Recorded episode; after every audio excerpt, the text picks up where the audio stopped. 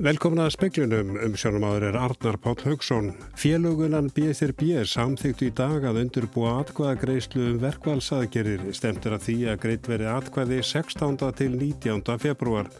Aðra stjettir fara fram á frekari launahækkanir ef gengi verður á kröfum eblingar. Þetta segir borgastjórn í Reykjavík. Talsverð tjón varði vonsku veðri í Bólungarvík í morgun, vindræð á Bólafjalli fóri í 68 metra á sekundum. Nokkra skemmtir hafa orði vegna vatnavaksta og þjóður eitt á Suðurlandi er ítla farin. Fjármálar á þeirra vonast til þess að reyfing komist á sölu Íslandsbanka á næstu vikum, hægt verði að losa miklar fjárhæðir og nota þær í innviða fjárfestingar. Sóttvarnalækniri segir að það væri æskilegt ef hægt væri að meina ferðamannum sem nýlega hafa verið í Húbei hér að í Kína að koma til landsins.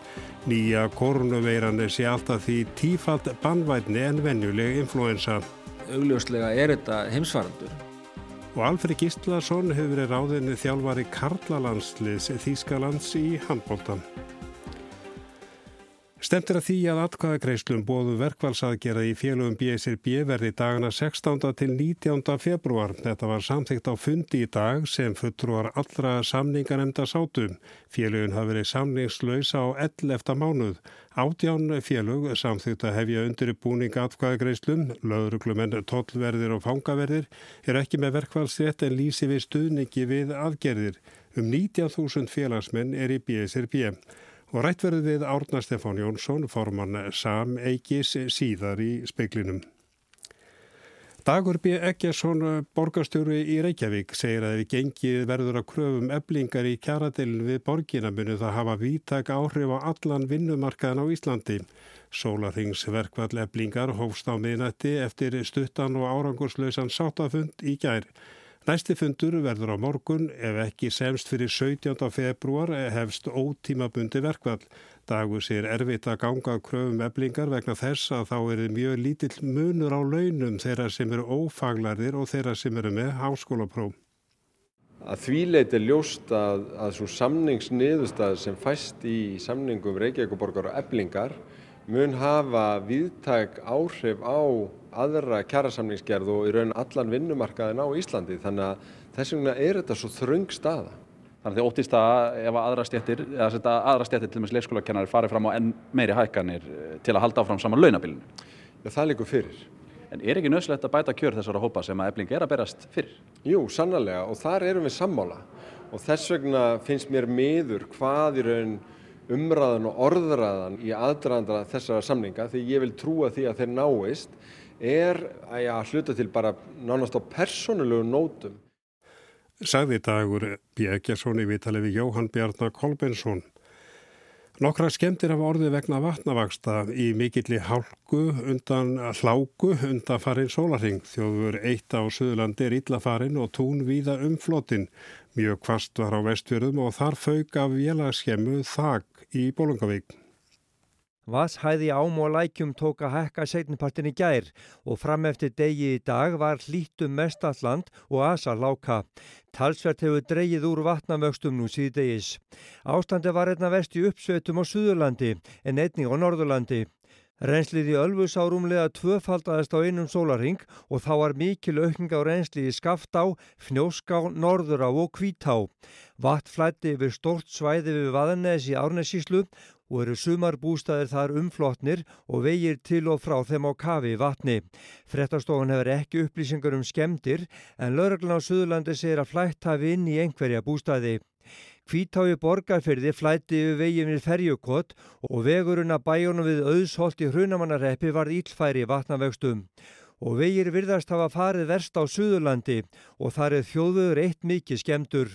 Hólur hafa myndast í bundnum slillæginu og sangat upplýsingu frá vegagerðinni verður mikil vinna að gera við skemdir. Á Norðurlandi fóru túna á kafi í Skagafyrði og sömulegist flætti yfir vatn og vegi í Eyjafyrði. Einu skemmtirna sem vita er um vegna hvassfyrir sér í Búlungavík. Þar flettist taka 30 metra langri vélarskemmu og vélar sem þar voru í geimslu skemmtust töluvert. Ágúst Ólásson sagði frá.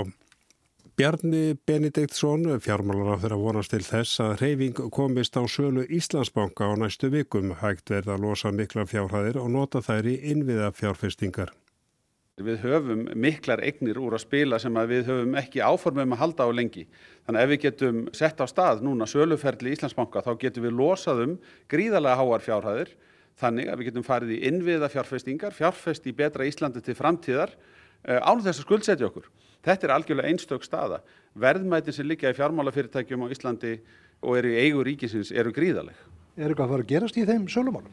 Já, við höfum lagt línutnar með kvítbókinni og mikilvæg undirbúnisvinnu verið í samtali við bankasísluna og ég vonast þess að það komist hreyfing á þau mál á næstu vikum. Áskjör Jónsson, selabankastjóri, segir að það sé ekki slæmur tími núna fyrir ríkið að frista þess að selja Íslandsbanka. Hlutabræða hefur gengið vel á hlutabræðamarkaði að undanföllnu og hann verið standa ágætlega. Lægri vextir náttúrulega eitthvað leiti ættu að hafa jákvæð áhrif á hlutabræðamarkaðin. Síðan held ég að framkvæmdinn uh, skiptir mestu, hvernig það mun komin á markaðin. Náttúrulega gríða mikið EIP sem er inn í bankunum, bara með hvað markaðarinn er á Íslandi. Þannig að ég held að það sé alveg mjög vitulegt að fara varlega inn á markaðin.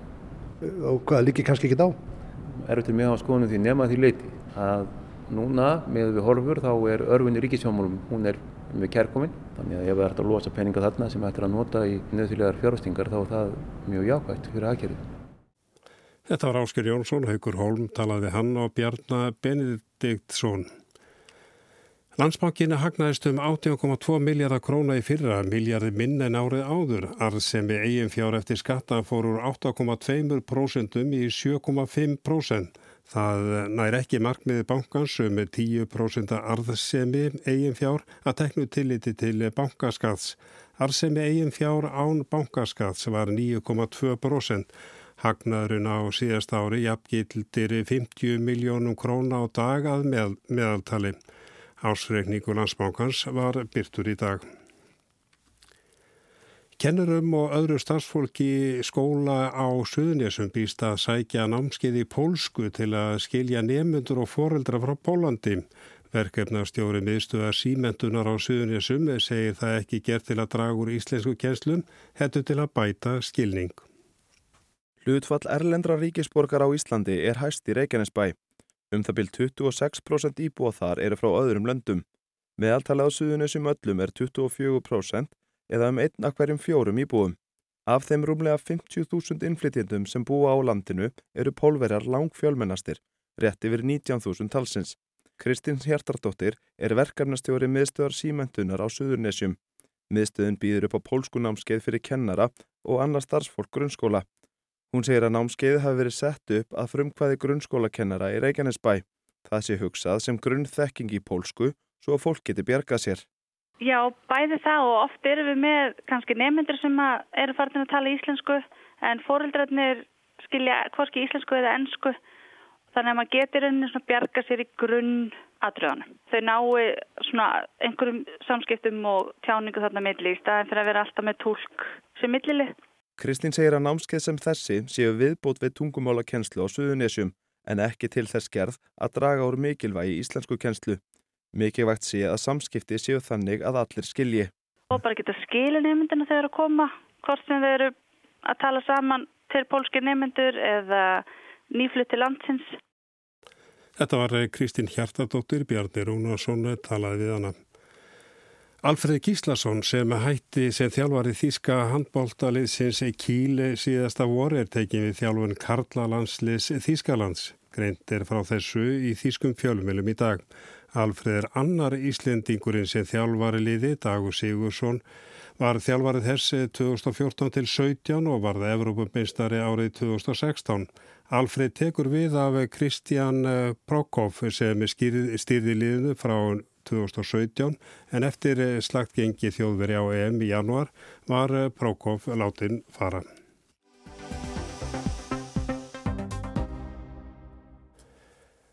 Sólarhengsverkvalli eblingar líkur á miðnættu og flest bendi til þess að tveggja hálstags verkvalli eblingar í borginni hefjist á þriðudaginn. En það er byrjað að glitta í, í verkvallsvopnið hjá fleiri félögum. Það er komið þreita í viðröðnar sem eru nú á 11. mánuði frá því að samningar losnuðum. Fulltrúar allra samningarnemda félaga innan BSRB komu saman í dag þar sem samþygt var að hefja undirbúning atkvæða greiðsla um verkvælsaðgerðir. Og í símanum er árni Stefán Jónsson, formaður Sameikis.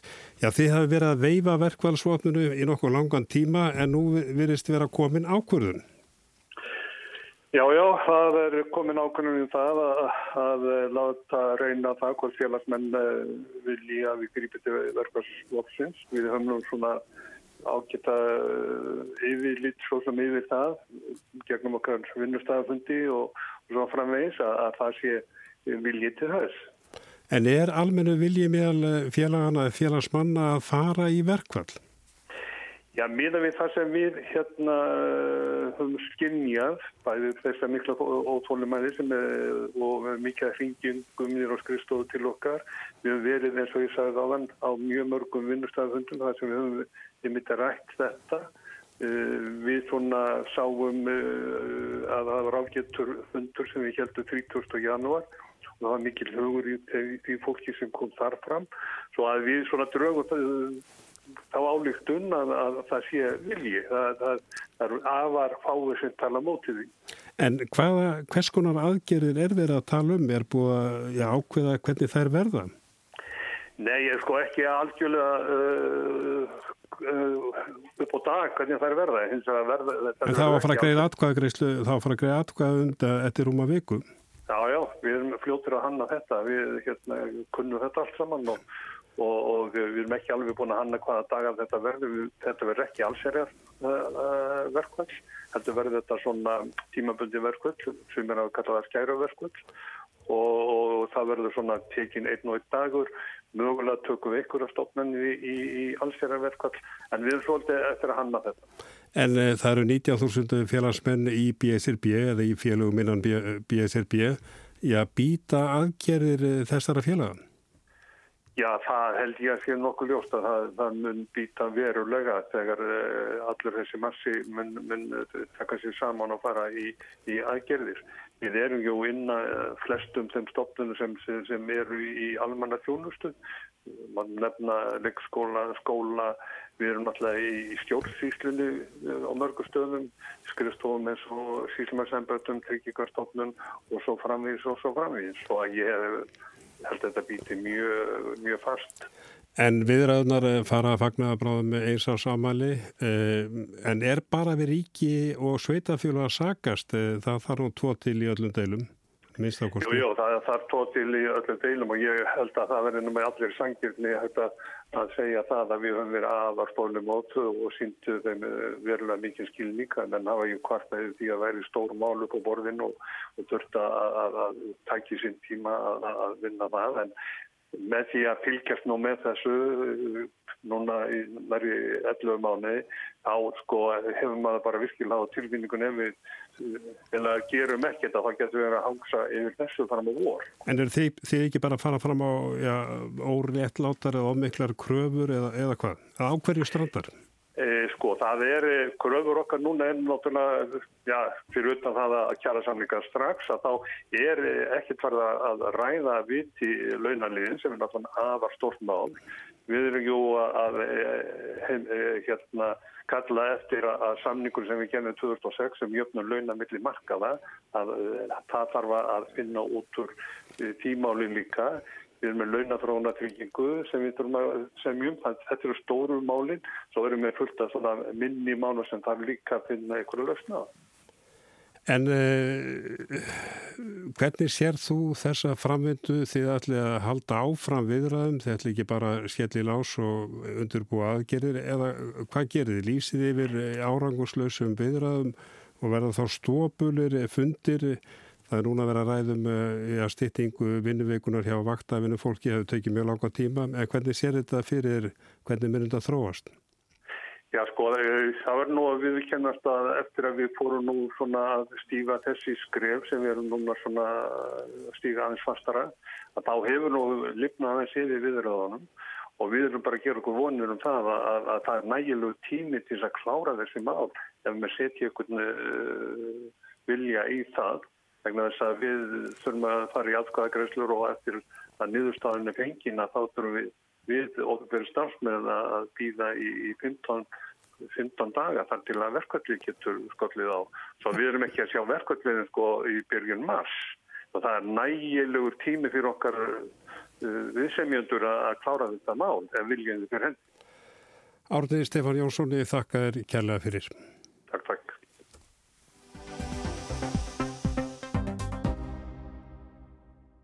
Þórólfur Guðnason sótvarnalæknir segir að það væri æskilagt ef hægt væri að meina ferðamunum sem nýlega hafa verið í húbei hér að þið að koma til landsins. Það sé ekki hægt eins og er.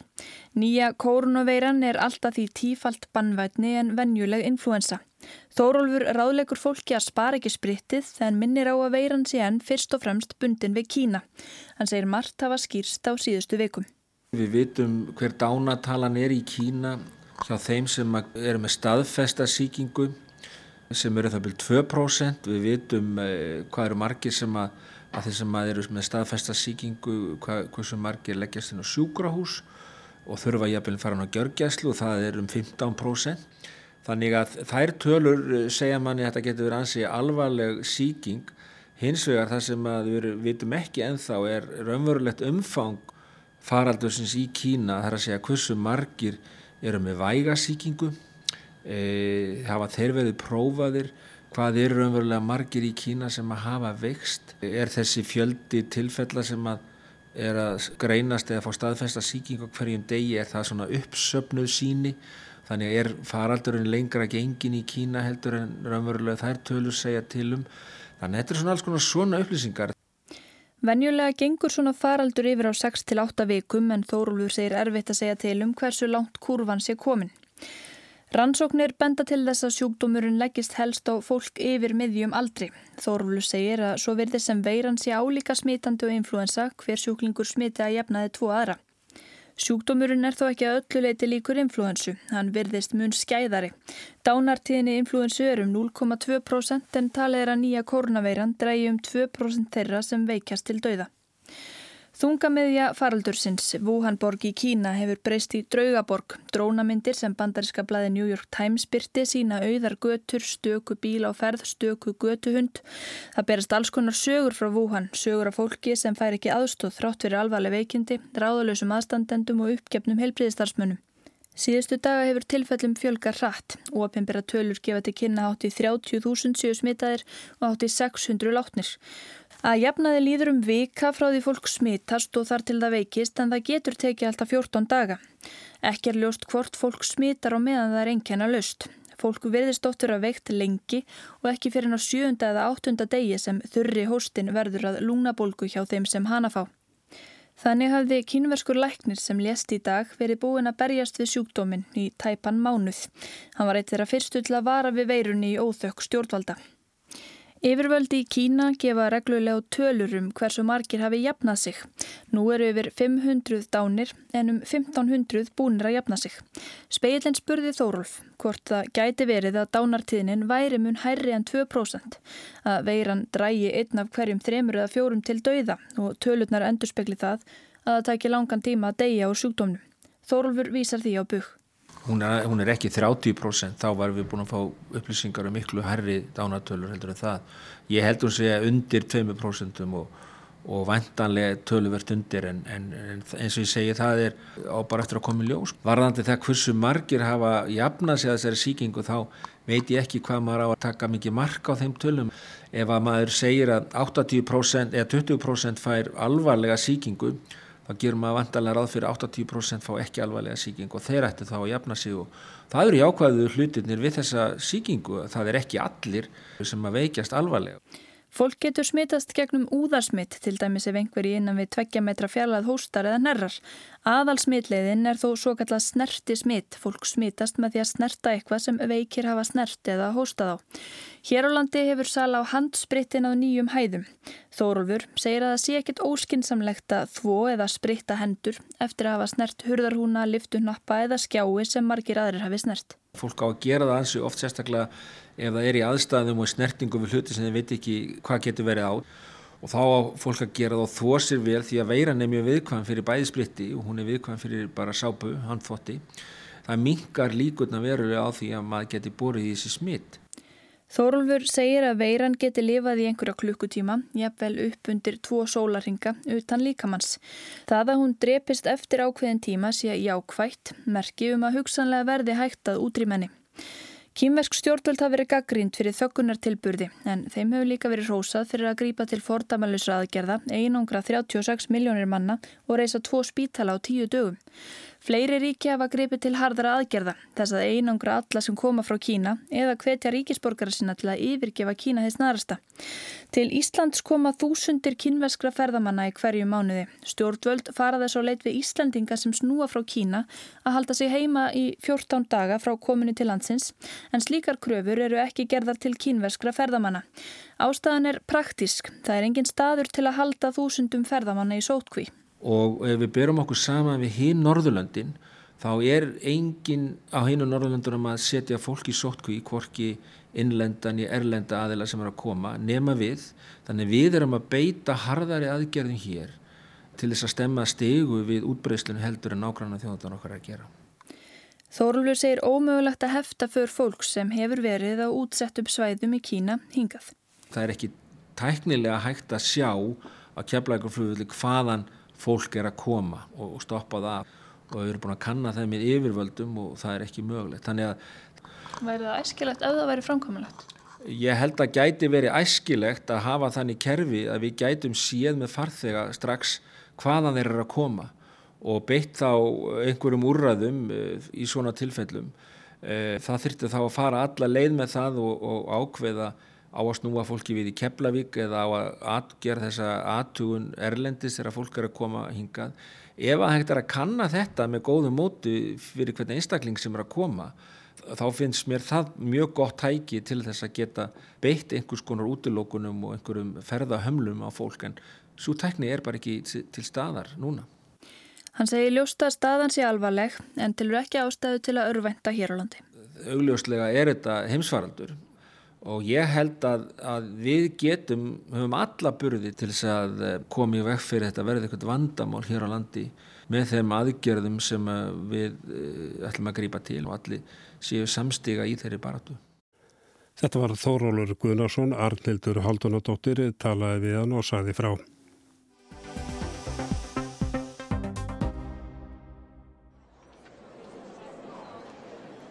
Rúmlega 364.000 manns byggu á Íslandi um síðustu áramót. Ríflega 314.000 íslenski ríkisborgarar og tæplega 50.000 erlendir. Íbúum fjölgaðum 7.000 frá áramótonum þar á undan, 2018 til 19. Erlendum ríkisborgarum fjölgaðum 5.000 en íslenskum um 2.000. Núna bú á höfuborgarsvæðinu 233.000 manns en utan þess 131.000. Hagstofan heldur utanum mannfjöldatölur á Íslandi og spáir fyrir um mannfjölda þróun næstu áratuga. Meðaltalsbá eða svokulluð miðsbá hagstofunar gerir áð fyrir að landsmenn verði orðnir 434.000 árið 2068 eftir tæp 50 ár. Ómar Harðarsson er fagstjóri manntals á Hagstofinni. Hann segir að fjölkun landsmanna megi fyrst og fremst reykja til erlendra ríkisborgara.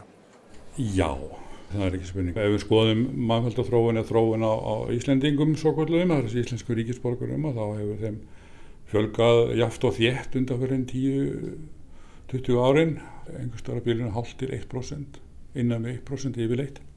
En á síðustu fimm árum þá hefur orðið gríðaleg stökk í fjölda erlendar ríkisborgara sem hafa fluttinga til þessins og þeim hefur fjölgað úr um 20.000 fyrir tíu árum síðan upp í tæplega 50.000. En þessi fjölkun á íslenskum ríkisborgurum, hefur hún verið svipuð undan hérna áratí frá árið dráðs? Já, hún hefur verið það. Það hefur náttúrulega dreyið úr því, hér áður fyrir var mannfjölkunin sko meirinn 1% en hún er núna minnið það meðal vegna þess að fleiri íslenski ríkisborgarar eh, sko flytja úr landi heldur um koma til landsins. Og sömulegis hefur náttúrulega fjölda dáina þeim hefur fjölgað eftir sem að mannfjöldin vex. En fjöldi fæninga hefur eins og staði í stað alveg síðustu 70 ári